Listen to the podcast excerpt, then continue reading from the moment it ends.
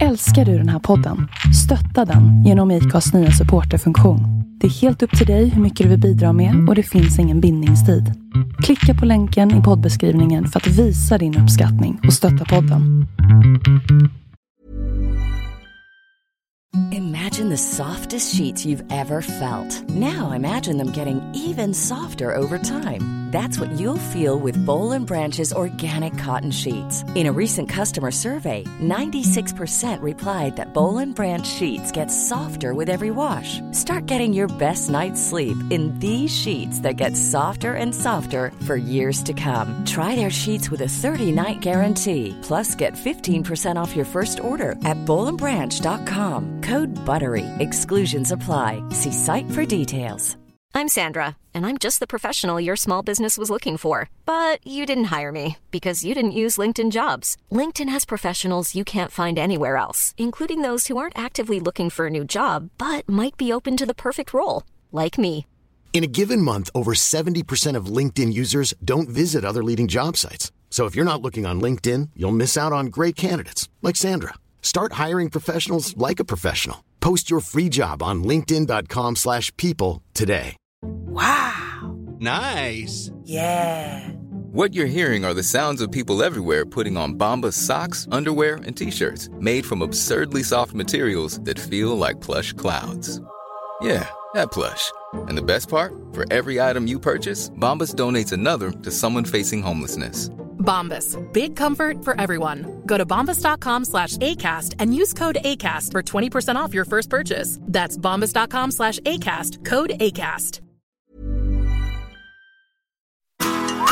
Hej och hjärtligt välkomna ska ni vara till denna veckas avsnitt av podden Två låtar och en kändis. Och idag mina kära lyssnare så ska jag presentera en alldeles speciell gäst. Ni kommer att förstå varför mer inne i programmet. Det är en utav Sveriges absolut främsta fotbollsspelare genom alla tider och jag kan nog tänka mig att vi har lite svårt att förstå hur stor han är i Italien och inte minst i Bergamo. Men jag har själv fått vara i Bergamo och uppleva hur stor han är där. Mina damer och herrar, låt mig med största stolthet presentera Glenn Strömberg. Hej hej på er. Varmt välkommen Glenn. Tackar, tackar. Du, hur står det till med Glenn Strömberg idag? Jo, det är väldigt bra. Ehm, jag fortsätter väl eh, i de banorna som det varit de senaste åren. Jag har tre nya år då hos Viasat och det innebär ju framförallt då Premier League och Champions League. Och sen eh, fortsätter jag med mina kläder, min mat och mina skor. Även om jag kanske då på senare år, vi kan säga de sista fyra fem åren, så gör jag inte lika mycket kvantitet längre i allting som är vid sidan av fotbollen. Jag försöker hålla mig eh, mer till kvalitet när det gäller det, göra lite mer utflykter när det gäller det och göra det på rätt sätt så att säga. Och det, det förstår alla partners som är med mig i det här. Och eh, det gör att fotbollen däremot, det är liksom 100% som det var innan, lika mycket. Och eh, det är inget som jag kapar, absolut inte där. För det är det jag älskar mest att hålla på med. Men det andra, det ger mig så himla mycket också. Jag lär mig så mycket saker som man inte hade en aning om en gång i tiden. Och det berikar det på något sätt och vis och det vill jag gärna fortsätta med. Men eh, valde då att försöka dra ner lite, lite, lite, lite på kvantiteten för det var enormt mycket. Jag hade ju över 200 flyg i stort sett en tio år i sträck liksom och eh, det blir mycket. Mm. Jag tänker att det här med intresse för, för mat och kläder, eh, det låter som en eh, naturlig del av Italien.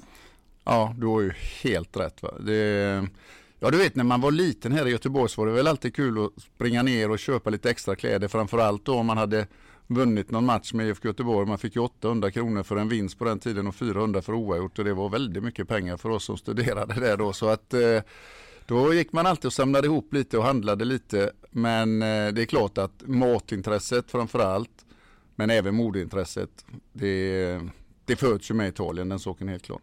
Och där är de ju riktigt duktiga på just den biten. Ja, de är väldigt duktiga också på att eh, positionera sig på det viset så att de liksom visar hela världen att de verkligen tycker med bred bringa att de är bäst i världen och det är ingen som ska börja prata något emot det för då får de alltså problem liksom. De är duktiga på det och eh, så har de ju mycket bakom sig också för maten är fantastisk och eh, modet är ju fortfarande bland de främsta i världen. Absolut, det skriver jag under på. Du Glenn, den här podden den handlar ju till stor del om musik och eh, någonstans så vill jag ändå liksom tänka att musik och idrott hör ihop på något sätt. Det gör det. Eh, vi kan väl säga så här i mitt liv då så eh, ihop om man säger med fotbollen så är det ju alltid var det alltid någon som ville ha på sin musik i bussar och så vidare eller man skulle åka någonstans. Och eh, vi som var lite unga då, vi hade väl lite halvtrubbel där i början att få in våra musik men sakta men säkert så fick vi in det. Och eh, du sa något mer där nu. Det var, oh, jo, jag kom på det också. Det är en annan sak som föddes i mig som jag fortfarande håller på med väldigt mycket då som jag älskar och det är ju travet och det föddes också inom en lagsport typ fotbollen. Hockeyn kanske var ännu mer intresserad av eh, just travet på den tiden men fotbollen var det också väldigt mycket och eh, då gled man in på den banan också. Mm. Hade du någon sån där speciell låt som du liksom när du skulle tagga till till en match eh, som du låg och lyssnade på i din freestyle eller något? Nej, kanske inte just en låt sådär utan det byttes om ganska mycket. Ehm. Jag vet att eh, Magnus Uggla var en eh, sångare då som jag kunde i stort sett alla låtar varenda text, varenda ord i. Och då var jag väl runt, ja, kan tänka mig 17-18 någonting när jag började lära mig allt det. Och sen hade jag ju sedan några år tidigare då behövt ta steget, valet och välja mellan Beatles och Rolling Stones som var stora snackisen när man var i skolan hit och dit och, och Beatles tyckte vi då som höll på Rolling Stones, de var lite mjukare och vi var lite tuffare så det blev Rolling Stones hårt hela vägen där. Mm, så var det. Är det någon speciell låt där med Stones som eh, ni lyssnar mycket på då? Som... Nej, jag har väl mängder av låtar som jag gillar hos Rolling Stones och sen eh, gillar jag mängder av videos som gjort till exempel. Jag satt och såg för något år sedan Waiting on a friend som jag inte lyssnat så mycket just när det gäller ljudet men jag såg eh, videon.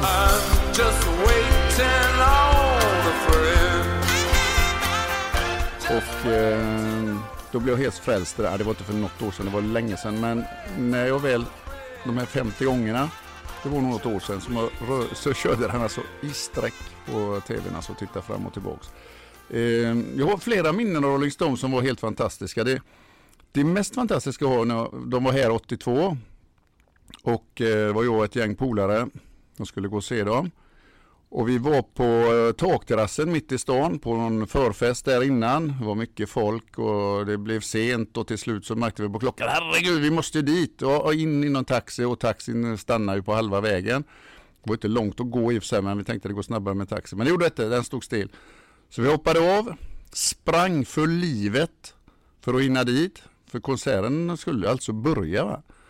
Och ehm, det är en av mina mest fantastiska ögonblick. Det är så att man tror att man har vunnit på ja, det största lotteriet som finns i världen i princip. För vi springer upp på trappan, de ropar på biljetter, biljetter. Nej jag hinner inte, ja, fortsätt då Glenn. Och så kunde jag springa med mina polare, det var tre stycken som fortsatte upp för trapporna. Och eh, kommer ut, så precis när jag kommer ut på läktaren så drar han första riffet i start med. Så att alla reser sig upp, alla skriker. Och det kändes precis som att det var för mig. För jag kom, satte fötterna precis ute på stadion så alla kunde se i princip att jag var bland publiken. Och det var ju absolut inte jag. Men eh, det var ett jätteögonblick. Jag fick gåshud, håret reste sig och bara stod så här och darrade ett tag. Och när man tänker på det så hade det kunnat vara 10 sekunder fel någonstans på vägen, någon biljett som var tvungen att visa, taxin hade stannat eh, 10 meter innan så hade jag inte fått ögonblicket. Och sen fick jag höra en gång efteråt när jag var där att eh, konstigt nog så hade de gjort sina autografer uppe i ett fikarum där på Ullevi och då var det en av dem som jobbade som sa att eh, du ska upp och sätta ditt också där. Eller du har satt ditt där och vet vem som satte sitt intill dig? Han kanske du tycker om. Det var Mick Jagger. Så det var två saker där som, liksom, även om man hade bett till eh, stjärnorna att det skulle hända så det hade aldrig hänt, men det hände. Fantastisk historia. Ja, det var otroligt, det var det. Otroligt. Mm. Eh, jag tänker ju att när ni spelade i Blåvitt så var det ju den här kampsången Heja Blåvitt som man eh, stod i publiken och tittade på när ni sprang ut.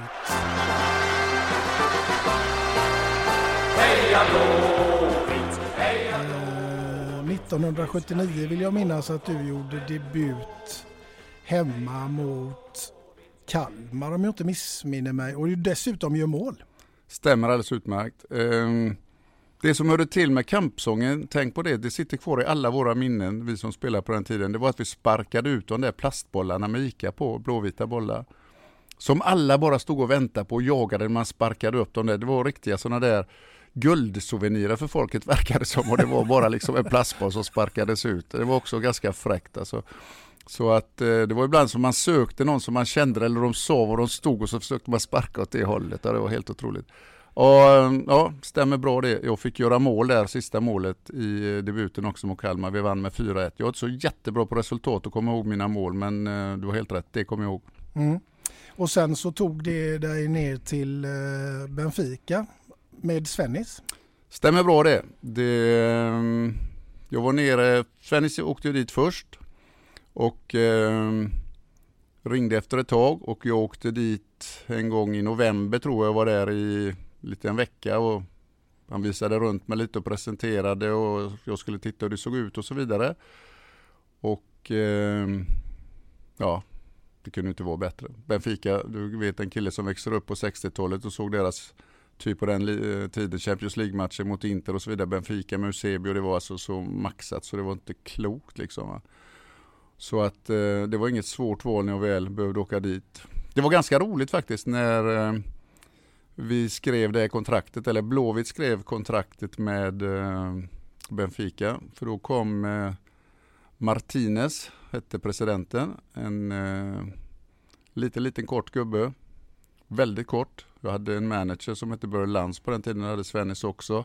Han var väldigt kort, väldigt kort, men den här Martinez var ännu kortare. Han var lite smalare, men han var kortare. Eh, rökte lika stor cigarr som Börje Lantz, han var väl en halv meter. Men eh, han kommer upp och eh, vad skulle vi sitta och diskutera det här? Eh, det var ganska kul för att eh, då jobbade Ove Kindvall för Blåvitt och han jobbade för Adidas. De hade ett stort, eh, alldeles här runt hörnet där vi sitter just nu, kontor. Så vi alla åkte upp dit och satte sig. Men det roliga i kråksången var ju att jag skulle gå till Köln eventuellt på sommaren. De var här uppe ett flertal gånger.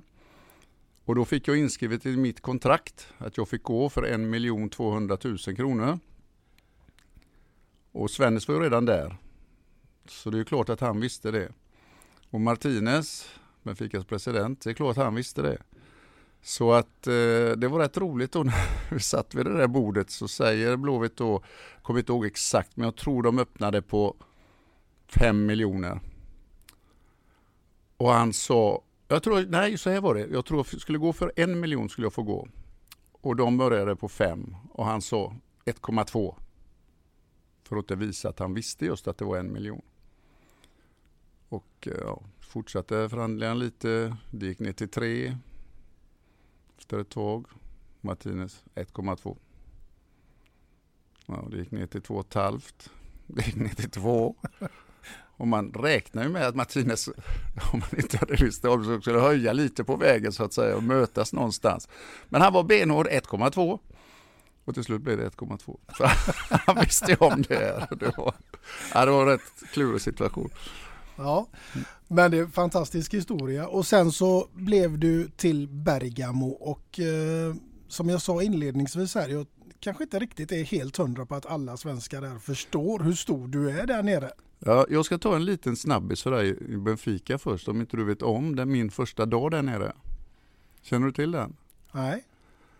Eh, den kan bli lite lång så vi får se hur mycket du får klippa till slut. Men den är så fantastisk. Eh, jag drog den faktiskt eh, häromdagen på ett event också och eh, det är också en sån där dag ungefär som Stones. Hur kan den hända mig? Liksom det var helt otroligt. Men Stones var det bara glädje. Här var det verkligen tufft. Jag Åker ner och Svenne säger till mig så här, packa nu din väska, men lägg fotbollsskorna i handbagaget. För det stjäls mycket på Lissabons flygplats, det försvinner mycket bagage och du ska träna direkt när du kommer ner. Ska visa att du är svensk viking, du flyger ner, de kommer att hämta dig, du åker direkt till träning här, skulle landa vid 12-tiden. Och vi eh, väntar vi på det för de tränar 10 normalt sett. Vi kör igång 12 och så börjar du träna direkt liksom. Du kommer in några, en halvtimme senare. Mm. Hämtar mig, åker dit. Det är alltså hagel i eh, Lissabon. Det händer nästan inte. Det regnar så in i Norden och haglar. Och jag, när jag kommer in på stadion så säger jag till Svennis att du, jag har bara gummidubb med mig här i handbagaget. För ja, det vanliga bagaget försvann ju. Ja men jag sa till dig att ta med dig skor. Jo men skruvdobbarna de tar man ju bara med sig liksom när det är match, det är träning. Ja. Nej du får ta dem du har då så Det får gå som det går. Okej. Okay. Jag sätter mig ner och han säger, eh, det finns ett litet hål i väggen där, omklädningsrummet var ett rum på ena sidan, ett på andra och i mitten var så materialrummet och det var två små fönster där. Och jag sätter mig ner och väntar på kläderna. Och eh, väntar och väntar, det kommer inga. Så tänkte jag, får gå dit och fråga någonting.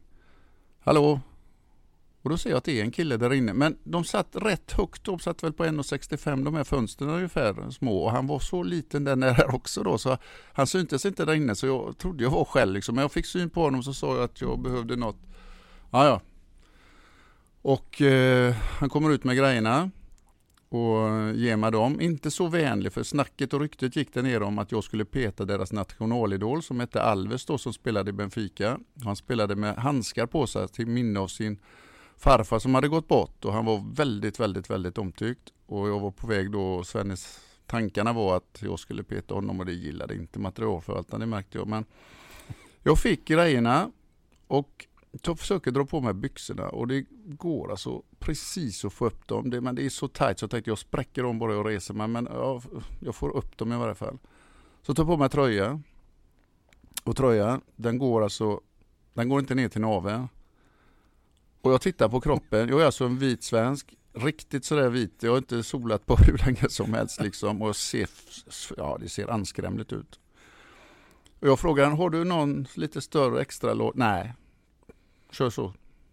Jag kunde inte ett ord portugisiska men kör så liksom förstod jag så att Ja, jag klampar ner för trapporna, man går ner för trappor en 10 meter och sen upp för trappor och kommer in på Stadio Dalos huvudarena då. Eh, de tränade där den dagen. Och när jag kommer upp så känner jag mig lite, lite borta. Ehm, ja, och tar stegen ut och så ser jag att de håller på att spela kvadrater. Två stycken kvadrater. Och 20 spelare vänder sig om och tittar och kvadraterna stannar båda två och de bara tittar på mig. Och jag tittar på dem så här höger och vänster och tänker ja, jag förstår er. Hur ser jag ut? Ja, fortsätter framåt och så säger Sven, finns det ingen större tröja? Nej, det fanns ingen större tröja. Kan vi börja nu? Ja, jag in här då och spelar kvadrat. Och jag var som Bambi på hal is, halkade hela tiden. Alltså det var blött och blött och dubbarna, det, ja, gummidubben det höll inte mig uppe. Och de var så kvicka och så snabba och så tekniska. Och jag var klumpig, otymplig. Var alltid i mitten och de tyckte det var jättekul med den här långa svensken som ramlade i mitten hela tiden. De ja, klackade, gjorde tunnlar, gjorde allt på mig. Ja, det kändes hemskt. Och säger Svennis efter en tio minuter sådär att eh, Du Glenn, vi gör så här. Du går bort och eh, slår lite frisparkar mot målvakten. Målvakterna där borta istället. Åh, skönt Svennis att du såg vilken knipa jag var i. Så delar vi lite tvåmål här och så gör vi inte mer idag. Ah, vad skönt. Ja, glider bort då och då står eh, andra tränaren och tredje tränaren där. Och eh, de sätter upp en liten järnmur som man precis hade fått. Det fanns inte så mycket på den tiden men de hade en liten mur där också. Lägger jag första skottet där då, eller frisparken så att säga mål. Den går utanför sådär en meter. Jag var inte så bra på frisparkar och sköt inte sådär jättebra. Men jag tyckte det var nöjd med den och det var mycket bättre än att ligga i kvadraten på backen hela tiden. Så att eh, den ja, gick en meter utanför men ganska bra fart på. Ja, då kommer det fram en uh, tredje tränare då och uh, tar några steg fram mot bollen med knackigt vänsterknä, liksom haltar fram. Bum! Rätt upp i krysset, inte en chans för målvakten. Oj, tänkte jag och tittade. Det var inte bra. oj, oj. Ja, så lägger hon ner bollen. Ja, du igen. Ja, okej. Okay. ja, slår den på andra, mot andra krysset så att säga. Lite längre utanför men inte så illa ändå. Ja, titta så här han liksom, eller pekar att jag ska titta. Så lägger han ner bollen så kommer det halta fram med vänsterknät och så BOM! upp i andra krysset. Herregud tänkte jag. Och så lägger han ner bollen till mig igen. Jag sköt den rätt i muren. Liksom. Jag tänkte nej, jag måste bort härifrån också. Och då tur är så kommer Svennis och då börjar det ta slut där och så säger han så här att du Sebio, ta med dig konerna och eh, lite andra grejer där och så är vi klara för dagen. Så då blev jag lite lugnare. Det var ändå Sebio som var där. Va? Det var nummer två efter Pelé på den tiden. Så att okej, okay, han kunde ju fortfarande skjuta frispark även med knackigt knä. Så ja, moralen steg lite grann. På vägen in i omklädningsrummet då så säger Svenny så här att du, eh, du vet nu efter du har duschat här va, så eh, kommer lagkaptenen och han går runt med dig till eh, hela laget så ska du hälsa på dem. Det är kutym här när man kommer. Men eh, förvånade lite grann då. Den tredje du kommer att hälsa på ungefär som kommer, han har eh, eh, lite afrofrisyr så här och det är den killen du kommer att ja, ha mest kontakt med i början. Pratar bra engelska, hur trevlig som helst och så vidare. Men jag tänkte bara förvarna dig, var med på det för att när du tar i hand med honom så fick han en smällare i handen när han var liten. Så det är liksom påminner lite om en klump med ett finger bara som sticker ut lite grann. Okej, okay, tänkte jag. Hur mycket grejer ska jag vara med om idag? Ja, tar första spelaren, andra spelaren och så ser jag tydligt att det är honom som då Svennis pratar om. Och jag tar den där handen, jag tror fortfarande inte han känt en så stark högerhand någon gång i sin hand för jag skakade den riktigt rejält för att visa att jag var lugn och sansad och var med på grejerna liksom och det var inte något fel alls. Och bom! Tar den, går vidare, känner mig rätt nöjd ändå. Nu börjar det flyta, det kan inte vara så svårt att hälsa liksom. Va? Så eh, tar jag nästa, så skakar jag hand med honom och så tittar jag. Då har han sex fingrar. ah. Äh, Glenn, då följer jag igen ganska neråt. Va? Tänkte hur ska det här gå? Har han verkligen? Jo, han hade sex. Oh. Sa han inte något Svennis tänkte jag. Ja, det var sex. Ja, jag går vidare här. Tar i hand nästa och nästa och så säger Svennis efter ett tag. Tittar de i ögonen Glenn när du tar i hand med dem? Nej, Svennis, jag tittar på händerna för du har inte berättat allt för mig här. Vi kunde ju bara svenska vi två så att det gick att prata svenska där inne då. Ja, det var också en sån där hemsk, eh, ja, det rullade runt i huvudet på mig så att säga. Det hände mycket och sen skulle vi träffas nere hos Svennis med presidenten och Börje Lantz efteråt. Och jag skulle ha en liten, liten presskonferens. Så de stack iväg, för Svennis hade redan pratat innan träningen med massmedia. Och jag skulle sitta och prata lite själv. Jag kände var i Benfica och det gick faktiskt bra. Berättade hur kul det var, hur mycket jag kände Svennis, hur duktig han var och tänka att spela med sådana här spelare, sådana här lag och kunde rabbla upp lite vad de hade gjort Benfica när jag var liten och så vidare. Så det, ja, det började kännas lite bättre igen.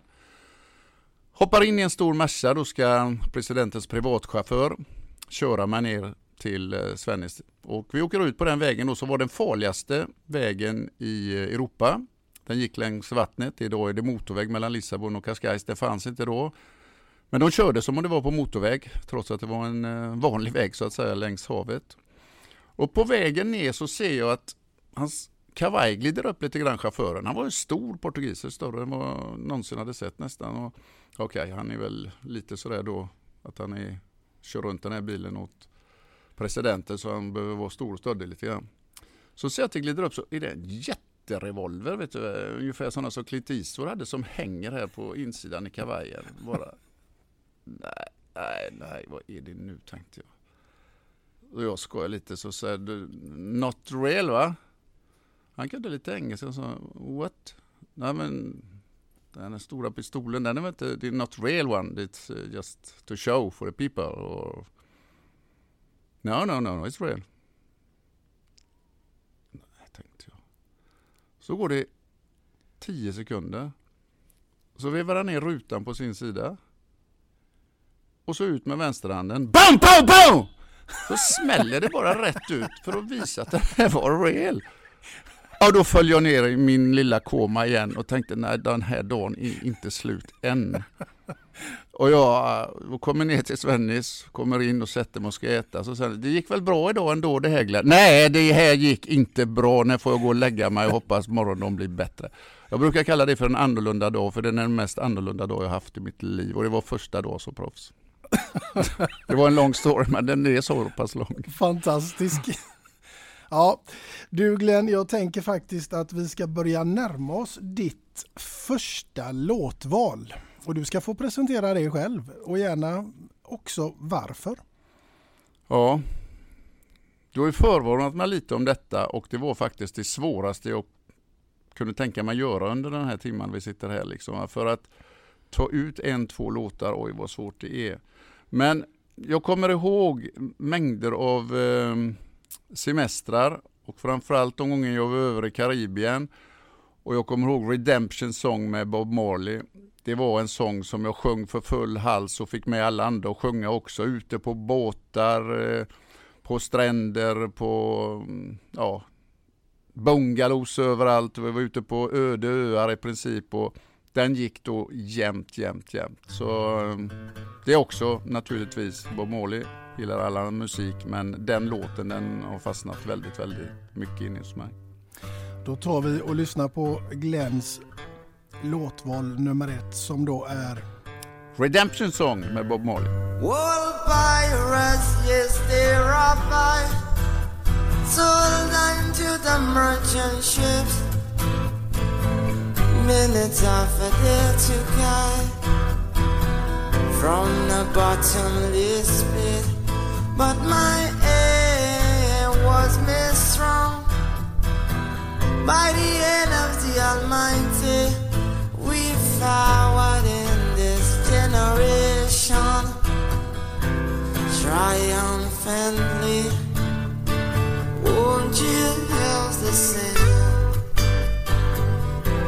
These songs of freedom Is all I ever had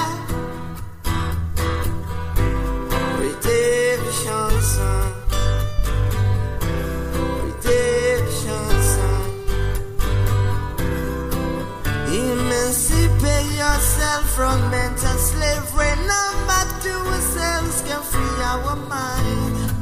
I've no fear for atomic energy, cause none of them can stop the time. Allah shall kill our prophets while we stand aside and look. Some say just a part of it. We've got to fulfill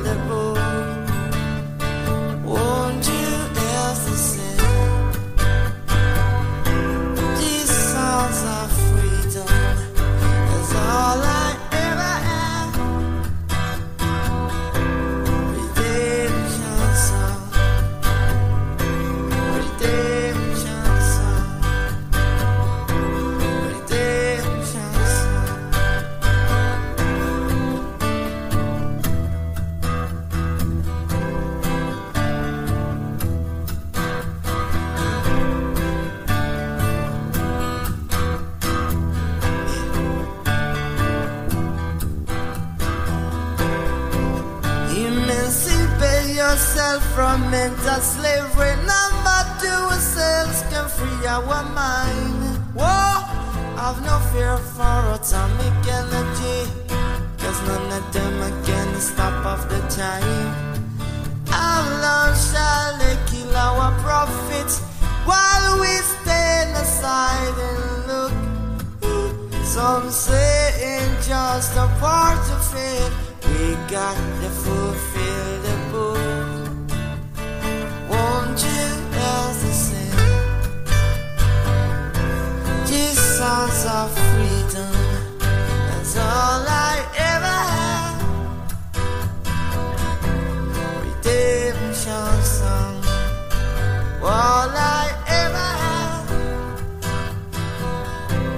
Redemption song. The songs of freedom.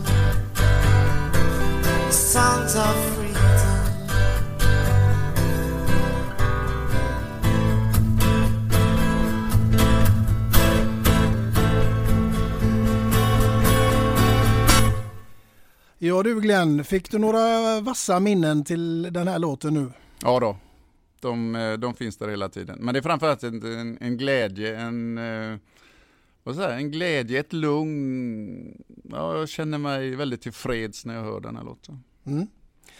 Du, jag tänker på Italien som du bor i nu sen hur många år är det? Ja, sen 84 då. Sen Så det är 84. 35 år ungefär. Mm.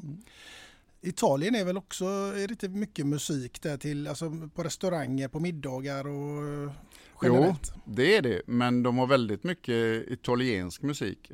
De, gillar väldigt mycket sina egna stjärnor så att säga. Mm. Det, det gör de väldigt, väldigt mycket. Det är nog nästan så att det är nu på senare tid som den yngre generationen tar med sig väldigt, väldigt mycket musik från, eh, från utlandet så att säga. Det, Mm. När jag kom dit så var det väldigt, väldigt mycket italienskt. Ja. Finns det någon italiensk sångare eller något som grupp eller något som du... Ja, det fanns ju många som Bagnoli, Venditti. Det finns väldigt många av de här lite äldre som har gjort en del bra låtar. Kanske inte världens bästa röster liksom, men eh, väldigt bra texter. Ramazzotti, det är den. Man har en väldigt konstig sångröst, men det är en sångröst som jag gillar. Och eh, han eh, lyssnar jag mycket på. Han är enormt stor där nere. Och det är också även för den unga och även för den äldre generationen. Mm. En annan som är väldigt stor där nere det är ju just du faktiskt i Bergamo. Jag kan tänka mig att undra om man riktigt känner till det här i Sverige hur stor du faktiskt är där nere. Eh, ja, jag vet väl inte riktigt. Ni kanske överdriver ibland. Men det kanske inte är överdrivet om man säger så att det var mm, liksom, hur länge är det nu? Eh, 92, det, det, ja, det är 25 år sedan eh, jag av och, och spela liksom. Mm. Och jag har mer. Och att en spelare sitter kvar sedan den tiden så som jag har gjort, det finns det nog ingen som gör. Nej, det stämmer nog.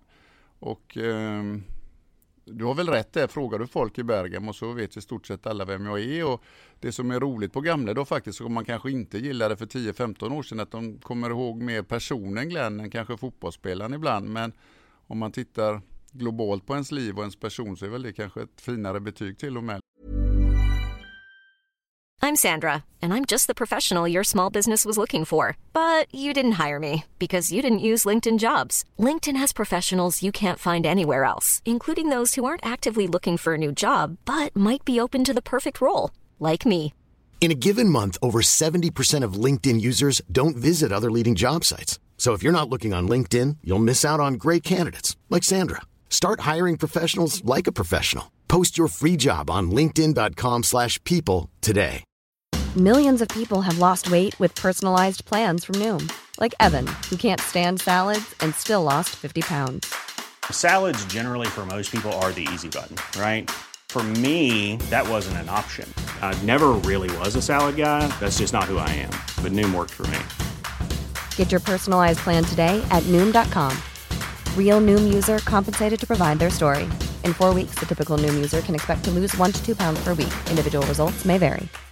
Hey, Dave. Yeah, Randy. Since we founded Bombus, we've always said our socks, underwear, and t shirts are super soft. Any new ideas? Maybe sublimely soft. Or disgustingly cozy? Wait, what? I got it. Bombus. Absurdly comfortable essentials for yourself And for those facing homelessness. because one purchased equals one donated. Wow, did we just write an ad? Yes. Bombas. Big comfort for everyone. Go to bombas.com slash ACAST and use code ACAST for 20% off your first purchase. Hey there, it's Michelle Norris. I'm host of a podcast called Your Mama's Kitchen. When I travel, I'm usually looking for a way to find a taste of home when I'm not at home. And one of the things I love to do when I am at home is entertain. And Airbnb allows me to do that. When I was in California recently, I rented a house that had a great kitchen. And when we were sitting around the table, we we're all thinking, we're in someone else's house. Someone could be in all of our homes as well. If you have a home, but you're not always at home, you have an Airbnb. Your home might be worth more than you think. Find out how much at airbnb.com/slash host. Hey, it's Paige DeSorbo from Giggly Squad. High quality fashion without the price tag. Say hello to Quince. I'm snagging high-end essentials like cozy cashmere sweaters, sleek leather jackets, fine jewelry, and so much more. With Quince being 50 to 80% less than similar brands. And they partner with factories that prioritize safe, ethical, and responsible manufacturing. I love that. Luxury quality within reach. Go to quince.com slash style to get free shipping and 365 day returns on your next order. Quince.com slash style. Liksom, och det gör mig rätt rörd faktiskt. Jag brukar säga det nere att jag känner mig adopterad av den stan helt enkelt. Och eh, jag vet att eh, man ser ibland på Twitter, eh, de frågar var de ska gå och käka ibland vissa och var man ska röra sig någonstans och så vidare. Så var det faktiskt en rolig sak ja, för ett tag sedan som eh, var en kille som skrev och, ja, bara nu så att ni vet det här. Om ni nu trodde liksom det som alla säger, att alla vet vem Glenn Strömberg är i Bergamo, så kan jag tala om för er att så är det. Och det var rätt eh, fräckt liksom, var han än. Och det är mängder av stories faktiskt. Jag, vi kan ju bli lite skrönor av det också, för om du förstår vad jag menar. Men det är mängder av folk som jag träffar på flyg och jag träffar på, ja, på fotbollsmatcher på andra ställen. Så, du, jag var i Bergamo och de hörde att jag var svensk och det första de sa då var i Strömberg. Ja. Och sen fick vi desserten gratis och grappan och kaffet och allting gratis. Förlåt. Och sen är det vissa som säger, ja vi skulle åka till ett ställe, men ja, det blev fel och han fick köra lite omväg. Så till slut så han säger, nej, nej men nu hörde att ni är svenska så ni behöver inte betala och så vidare. Och det, det kanske är att de vill berätta lite för att glädja mig om jag säger så. Men jag hör mängder av sådana historier så det, det är jätteroligt.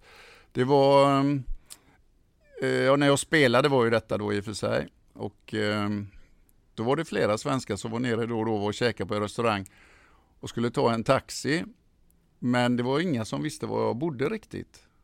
Eh, så att eh, det gick inte riktigt för dem att veta det. Så var det kompisar som var nere däremot. Så eh, visste de inte adressen. Då kom restaurangägaren ut och då sa han till dem så här, du, detta vet jag är Glenns kompisar, så kör de dit. Adressen sa han, ja men där Strömberg bor, ja okej. Okay. Och han körde rätt på det så att säga. Så det, det, mm, nej, Bergamo har verkligen adopterat mig och det är inte så att jag tycker att jag är förtjänt av det. Det är snarare så att jag blir rörd och glad över att en stad tycker så mycket om det jag har gjort i stan. Så att säga. Ja, jag får ju säga att jag såg ju hyllningen du fick eh, på stan. Eh, på, jag tror det var på, om det var på något tv-program eller om det var Youtube eller vad det var. Mm. Men alltså det var ju helt eh, mäktigt. Jag fick eh, gåshud liksom. Mm. Det, att stå var, där på torget. Ja, det, det var jättestort och det har hänt mer än en gång när jag stått där. Eh, men det var massivt på den sista matchen. Eh, det var verkligen så att jag kände det också. Oj, oj, oj. För jag låg hemma i feber och eh, skulle inte spela. Och så ringer de från stadion. Managern, tränaren, några av spelarna. Glenn, du måste komma hit. Nej, nej, sluta. Jag har 39 grader. Jag, det, det går inte. Du måste komma hit. De har gjort någonting som aldrig har hänt på den här stadion innan. Jaha. Ja, ja, du måste. Nej, nej. Jo, du måste ner. Jag tänkte jag får ju ta på. Jag tog på mig en träning så bara åkte ner till stadion. Då hade de klätt hela stadion i gult och blått. Och eh, hade väl femdubblat bollkallarna som var det, så det var en, liksom en lång, lång paradmarsch in på planen. Så jag fick gå in i mitten. Och eh, det var en helt enorm upplevelse. Även då sen så var det en sista match som jag då spelade som var för den bortgångne presidenten i våran klubb. Eh, och då gick jag upp och gav hans pappa, som var president innan sonen då, min sista tröja. Och när han gråter så som en gammal italienare kan göra så det liksom bara rinner. Jag kunde inte hålla mig heller och han tar emot tröjan, ger mig sin klocka och drar upp min ena hand bara och skri skriker liksom till publiken att här är Strömberg. Ja, det var det är också sådana minnen som sitter knall och timmas. Ja, jag får gåshud kan jag säga. Det är otroligt. Nu vill jag inte att det ska låta för mycket så här att, jag, att det är så, men det, ja, jag trivs där och de trivs med mig kan vi väl säga och det, det har gått bra. Ja, helt underbart. Helt fantastiskt. Och dessutom så kan vi glädjas för jag läste faktiskt gårdagens GT och där kunde man bara följa dina framgångar på GKs och Ullared med din klädkollektion också. Jag sitter ju faktiskt med ganska fint Och jag mig själv. Äh, men alltså det måste ju också vara helt fantastiskt. Ja, det var lite som jag sa inledningsvis att det har varit väldigt berikande och eh, jag skulle vilja säga även det då att det, är inte kanske så stort. Jag får kanske lite mer, eller jag får mer ja, artiklar och rubriker om det än vad kanske andra som gör som är mycket större än jag när det gäller det här. Men i och med att jag har varit fotbollsspelare och så vidare och är en ganska känd person här då så kanske det blir lite mer utrymme för mig. Och sen att det går jättebra, ja det gör det. Så det är jättekul. Och jag har haft två dagar eh, nere på Gekos i våras och två dagar här nu i, i höst. Och det har gått fantastiskt bra med mycket folk och jättefin försäljning och alla är verkligen nöjda eh, och det var kul. Framförallt andra gången jag var här nu när det så många kunder kom tillbaka och säger Ja vi köpte förra gången, vi kommer tillbaka för det var så bra och det är jättekul så att det inte bara är nyhetens behag utan de kommer tillbaka där igen. Va? Så det har varit en jättefin resa och eh, framförallt nu när jag blir lite äldre och hittat lite mer balans mellan kvantiteten och kvaliteten på att göra saker och ting så, så känns det bara stimulerande att fortsätta. Mm. Härligt. Vi ska backa tillbaka lite till ämnet eh, musik. eh, För jag måste ju fråga dig, har du någon gång spelat något instrument?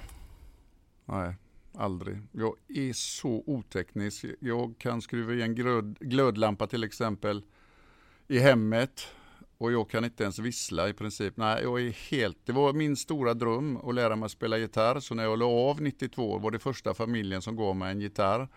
Har även en kompis som lär ut gitarr.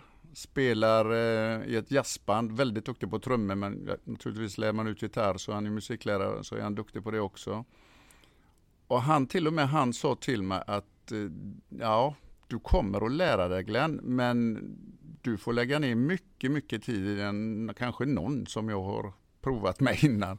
Så det lät så jobbigt, det lät så långt och så svårt så att eh, ja, jag la ner det. Jag hade gärna, gärna velat kunna spela, men om du förstår vad jag menar så hade jag gärna velat spela bara gitarren vid brasan på stranden och dra lite nynna till sånger som Mm. är riktigt stora här i världen. Det hade räckt för mig, men inte ens det klarade jag. Nej, det kanske kommer, vem vet? Ja, nej, jag tror inte det. Du, eh, vad är ditt absolut allra första minne till musik? Eh, Jag tänker om farfar gick och nynna på någon sång när ni var ute och fiskade eller?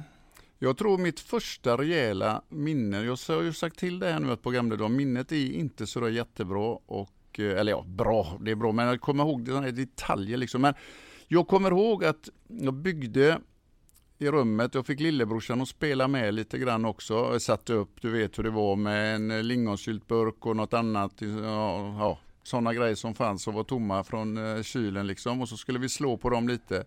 Och då hade precis Alice Cooper kommit ut med Schools Out. Det var sånt där skrik i början när han ska, drar igång den där låten som jag gillade så in i noten. Så den låten spelade vi dag ut och dag in och skulle försöka trumma.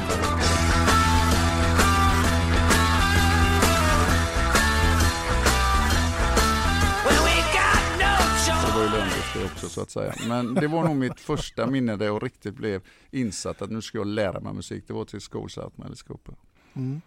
Och sen kommer ju nästa eh, eh, fråga på det här och det blir ju Finns det någon typ av musikgenre, alternativt låt som skulle få dig att gå fram och bara stänga av? Eh, nej, inte direkt. Jag är nog rätt så mycket... Vi kan väl säga, ja, jag, jag gillar det mesta. Eh, jag har lite svårt märker jag när det går över till för hård musik. Så när det går upp till metall riktigt sådär så att det är gränsfall. Vi kan säga ACDC, Vissa låtar är ju helt fantastiska. När det blir riktigt, riktigt tufft sådär, va, då, är, då går det lite över det som jag gillar helt enkelt. Jag förstår ju att det är jättebra för många älskar det och vet hur duktiga de är och många andra som gör det. Men ja, var, var och en av oss har ju våran personliga liksom, eh, tycka av det man gillar och där, där går nog lite gränsen för mig. Så där. Annars är jag nog, jag gillar jättemycket att lyssna på eh, klassisk musik och så också, till exempel Mozart. Bästa film jag sett i hela mitt liv, den har jag sett hundra gånger. Så att, eh, och då hör man ju väldigt mycket om musiken i den också, så att det gillar jag också. Mm.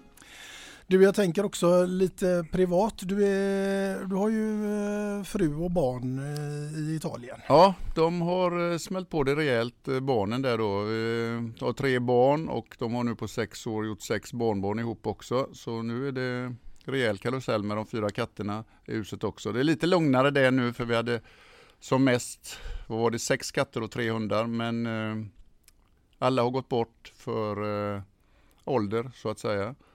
Och eh, det blev ofta så i huset tack vare att eh, de två äldsta barnen de jobbade lite extra var 14 dag så där när de fick lite tid över och hjälpte till när de kom lite hemlösa katter och hemlösa hundar för det finns i södra Europa sådär eh, lite sämre attityd till eh, husdjur när man åker på semester i alla fall, det märker jag, för då kan de ibland släppa av dem på motorväg eller så vidare. Och så vidare. Du, ja, du vet det också. Det, och då tas de om hand och åker dit och städar lite, gjorde de då, hjälpte till och gav dem mat och så vidare. Så, vidare. så var det ju alltid kanske ja, en kull så var det en hund kvar och så sa de, den här får vi nog avliva om vi inte hittar någon liksom här. Och, då var det alltid att den skulle vara en vecka hemma hos oss och det blev ju alltid att det blev hela livet så att säga.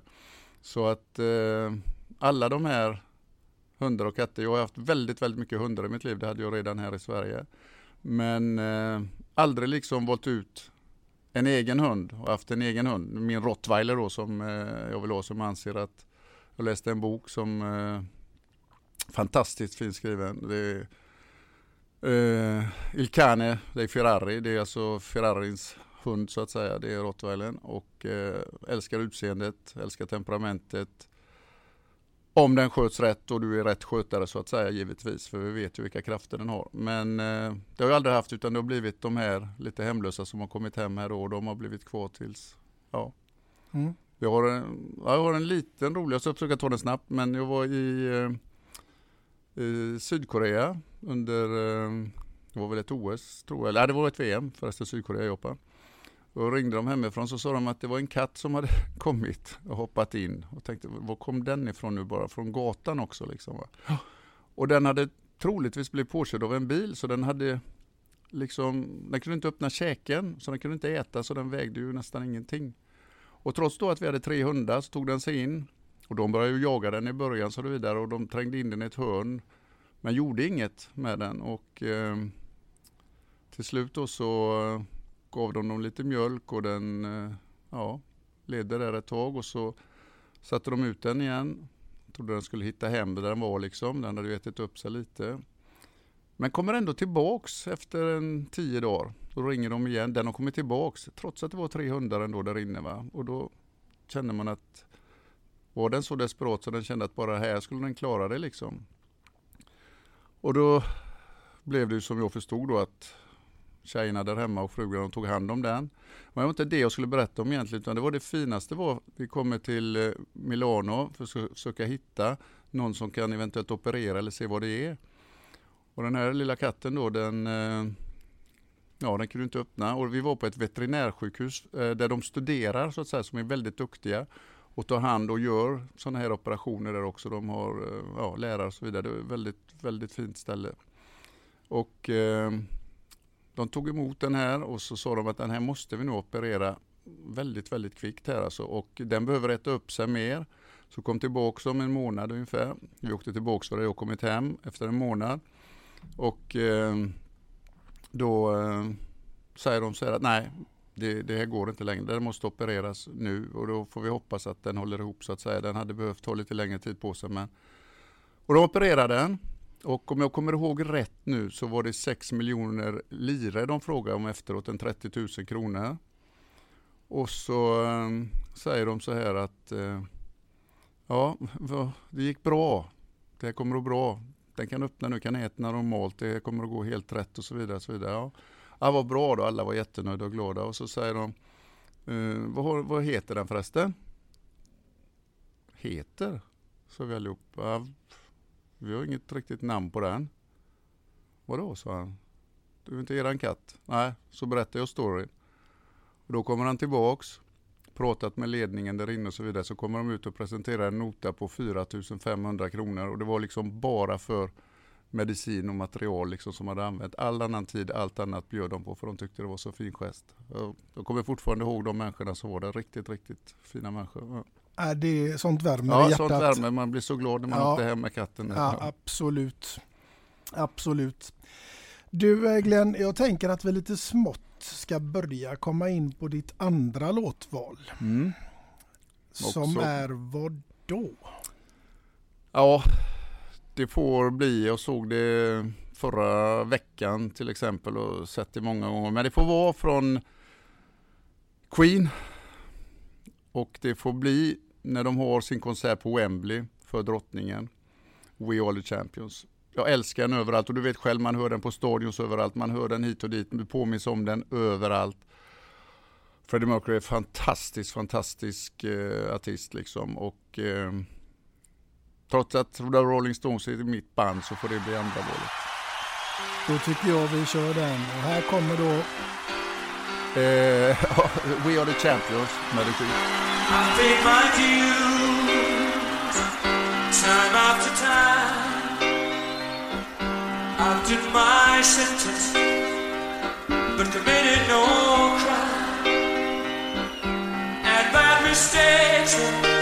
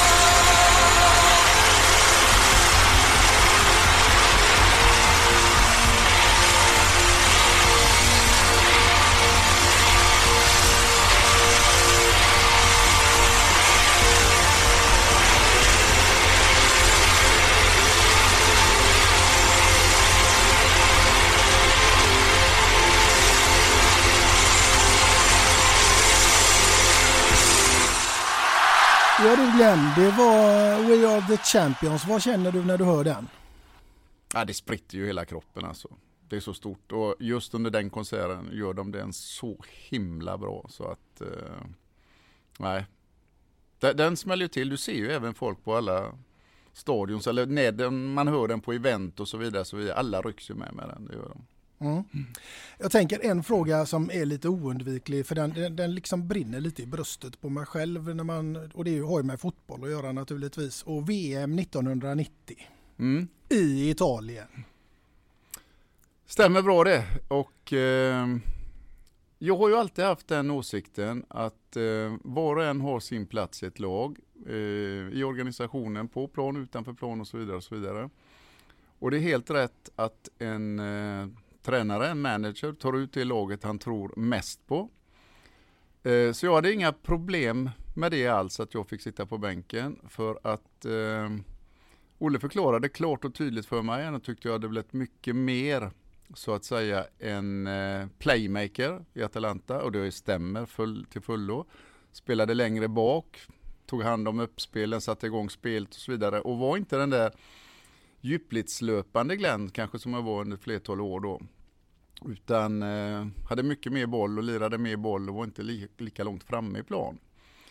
Och eh, jag förstod det och eh, det enda då som vi har pratat om efteråt, även jag och Olle, så var det ju att man kanske skulle tänkt på, och Olle då framförallt, att jag i Italien i det läget, det fanns ju inte en spelare i landslaget som var i närheten av mig enligt italienarna. Liksom. De tyckte ju att det här är väldigt, väldigt knepigt. Och eh, den kanske roligaste händelsen som hände under det VMet var ju på den inledande presskonferensen.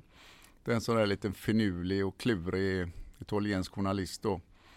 Ställer frågan som ställer mig och alla andra som satt där och Olle framförallt. När jag säger han så här att Ja, herr Nordin. Hur känns det? Jo, jag vet att ni har varit i en VM-final 58 i ert eget hemland. Men att vara favorit i ett VM här i Italien med ändå befolkningen och lilla Sverige. Hur känns det? Och Olle tog ju det som en provokation liksom och tittade, översatte de rätt eller vad sa de? Eh, liksom, det, det är ju inte sant, det är ju helt otroligt, vad är det för något? Och blev riktigt bister mot honom. Nej, sådana här dumma frågor kan jag inte svara. Det är klart att inte vi är favoriter. Hur kan du komma med sådana uttalanden i princip? Och säger italienaren lugnt och sansat bara så här. Ja, men vi har sett Glenn Strömberg här nere i sex år i den här ligan som är världens absolut bästa liga med världens bästa spelare. Och har ni nio utespelare, eller tio utespelare som är bättre än Glenn Strömberg? Ja, då måste ni vara favoriter, sa han och skrattade.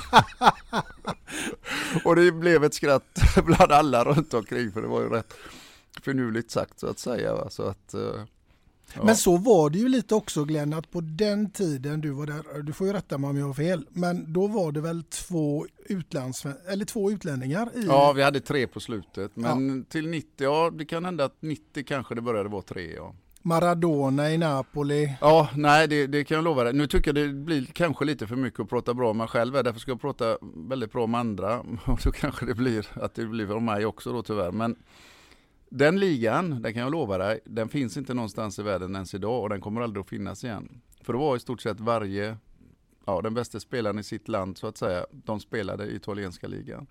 Och eh, jag minns det väldigt tydligt när jag kommer ut i väldigt i början av eh, tiden där det kanske hade gått en och en halv månad eller två något sånt där.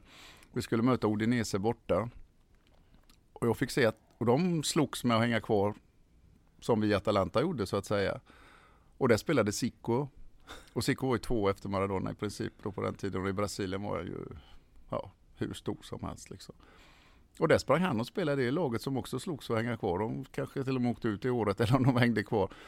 Så liksom det var varje vecka var det de största namnen i Argentina, i Brasilien, i England och så vidare. Eller alla som var där liksom. Så att, eh, därför var det en fantastisk upplevelse. Jag brukar säga det att jag tillhörde absolut inte de bästa utlänningarna där. Men jag är glad och stolt att jag kunde stå upp och få respekt i ligan och spela där i åtta år och få liksom en sånt klartecken från alla att jo, den här spelaren, den här Strömberg från Sverige, han klarar att vara här. Sen att de andra var bättre en hel del av dem, det är en annan sak. Men, eh, det är stort. Ja, det var, det var stort. Det var en otrolig liga. Mm. Underbart. Du, vi börjar lida lite granna mot sitt slut och då är det så här att varje gäst som är med här i podden, de får alltid en väldigt fräck grej. Så att jag ska be att få bidra med någonting till ditt italienska kök. Och det är nämligen våran eminenta mugg. Ah, vad trevligt. Härligt. Och det står... Med namn på. Jajamän. Och den tänker jag att den får väl duga och dricka lite italienskt kaffe ur. Är det Lavassa man dricker där? Ja, de har lite olika faktiskt. Och eh, en hel del maskiner då som är bra faktiskt. Illy är väl den som är kanske störst tror jag. Lavazza är väl den man köper kanske mest i, i affärerna så att säga, när du köper hem till det kanske. Men nej, de har mängder av bra. Du Mm. skrev på svenska också på muggen ser jag på. För italienska så har de inte de där prickarna över. Nej, då hade det blivit Stromberg. Ja, exakt. Så att normalt sett så är gjorde det... jag det jag inte skulle göra. Satte ner den på bordet så det, Det okej. plingade. Mm. Men eh, det här är vad varje gäst får. Men eh, du är lite speciell gäst Glenn. Så att, eh, du har ju dessutom ett eget klädesmärke. Så jag var bara tvungen att retas lite med dig här via en kompis. Tack förresten Peter Berkerot på Bäst i Väst. Han har fixat en mussa här också. Eh, också med Strömberg. Och då är det ju så här att den, då står det, ska jag berätta för er lyssnare, att det står Glenn number one under. Och då är det ju så att det fanns fyra Glenn här i staden Göteborg där alla heter Glenn. Stämmer det? Ja, han fick att bli nummer ett helt enkelt på mössan. Mycket Sen- trevligt. Sen är det ju så här att vi som snusar, vi vet ju alla som har varit utomlands hur besvärligt det kan vara ibland med de här sakerna. Så att vi ska be att få räcka över två stockar snus här också ifrån Snus, två i Sisjön. Ja, det är ju helt strålande. Den är ju fantastisk. En utav varje här. Satte jag dem på bordet igen. Ja, Ja. för jag vet ju att du är ute och reser en hel del. Ja, och det hamnar eh, väldigt bra i det här skedet. För jag kommer att vara ute i en 25 dagar. Så jag har med mig snus och tar med mig snus. Men det här var precis vad jag behövde. Härligt. Bästa present jag kunde få. Ja men det är underbart och det är den bästa presenten vi kunde få att du ställde upp och var med här Nej, idag Glenn. det ska jag inte säga. Jag tycker jag var lite för... Ja, pratade lite väl gott om mig själv kanske tyckte jag. Men ja, jag tycker jag ändå har sagt sanningen. Nej, men fantastiskt kul att få ha en, en stor svensk legendar som ändå inte bor här. Jag vet att du är här i Sverige titt som tätt men det är inte lätt att få tag på dig. Nej det är det inte, men det är lite grann vad det jag sa inledningsvis här. Jag undviker väldigt, väldigt mycket saker. Jag undviker alla tv-program, jag undviker alla poddar, för det är så enormt mycket poddar här nu som finns. Va? I så fall skulle jag liksom göra en varje dag i princip. Va? Så jag har en eh, två till kanske som jag har lovat då. Som jag ska se till att göra också. Men annars får det vara bra också. Jag kapar ner väldigt, väldigt mycket på andra saker runt omkring så att säga. Mm. Och koncentrerar mig på det jag håller på med. Det blir för mycket helt enkelt annars. Ja, jag förstår det. Jag tänker att eh, givetvis måste de ju ha frågat dig, tänker jag, på eh, tv-programmet som jag tycker är så trevligt, Mästarnas Mästare. Ja då, flertal gånger och eh, de dansar där också, Let's, Let's Dance, Dance, eller ja. det är ju jättestort nere i Italien också nu och i alla länder i princip. Va? Men eh, vi var inne på det innan, jag kan inte spela gitarr, jag kan absolut inte dansa heller så där har jag bara helt gjort bort mig. Och eh, Mästarnas Mästare, med ett knä så går det inte att konkurrera där heller liksom. Så att, eh, det kunde man kanske för några år sedan men eh, nej, jag tycker jag redan har så mycket på tapeten och på programmet att göra hela tiden så jag tackar nej till allt sånt i princip och det har jag gjort sen starten, alla de här programmen startade. Det kommer jag fortsätta att göra så jag är ärlig och rak mot alla. Mot dem och mot mig själv. Mm. Det är nog ett bra koncept. Och med det sagt kära lyssnare så vill jag säga ett fantastiskt stort tack till Glenn som har medverkat här och jag hoppas att ni har haft en riktigt lika god behållning som jag denna afton. Då får jag också avsluta och säga jag hade riktigt kul. Det här gick riktigt, riktigt fort. Hur lång tid tog det här? Det är... Du, vi har exakt hållit på i 55 minuter men nu, nu ska det klippas lite och redigeras här Mm. och så. Men, Ja, det gick eh, fort och det var kul. Ja, jag tror att du kommer att få det längsta avsnittet. Okej, okej. Inte helt Jag var otippat. kanske lite långrandig på vissa historier men man vill, jag vill ofta dra hela historien eller ingen alls så att säga. Det är dumt att kapa dem. Ja, nej jag håller med dig. Vi kör på det här. Tack så hemskt mycket Glenn. Tack själv. Och lycka till med allting i framtiden. Grazie, grazie. Och ni kära lyssnare hoppas jag självklart finns med i vårt nästkommande avsnitt. Vi syns och hörs. Hej då.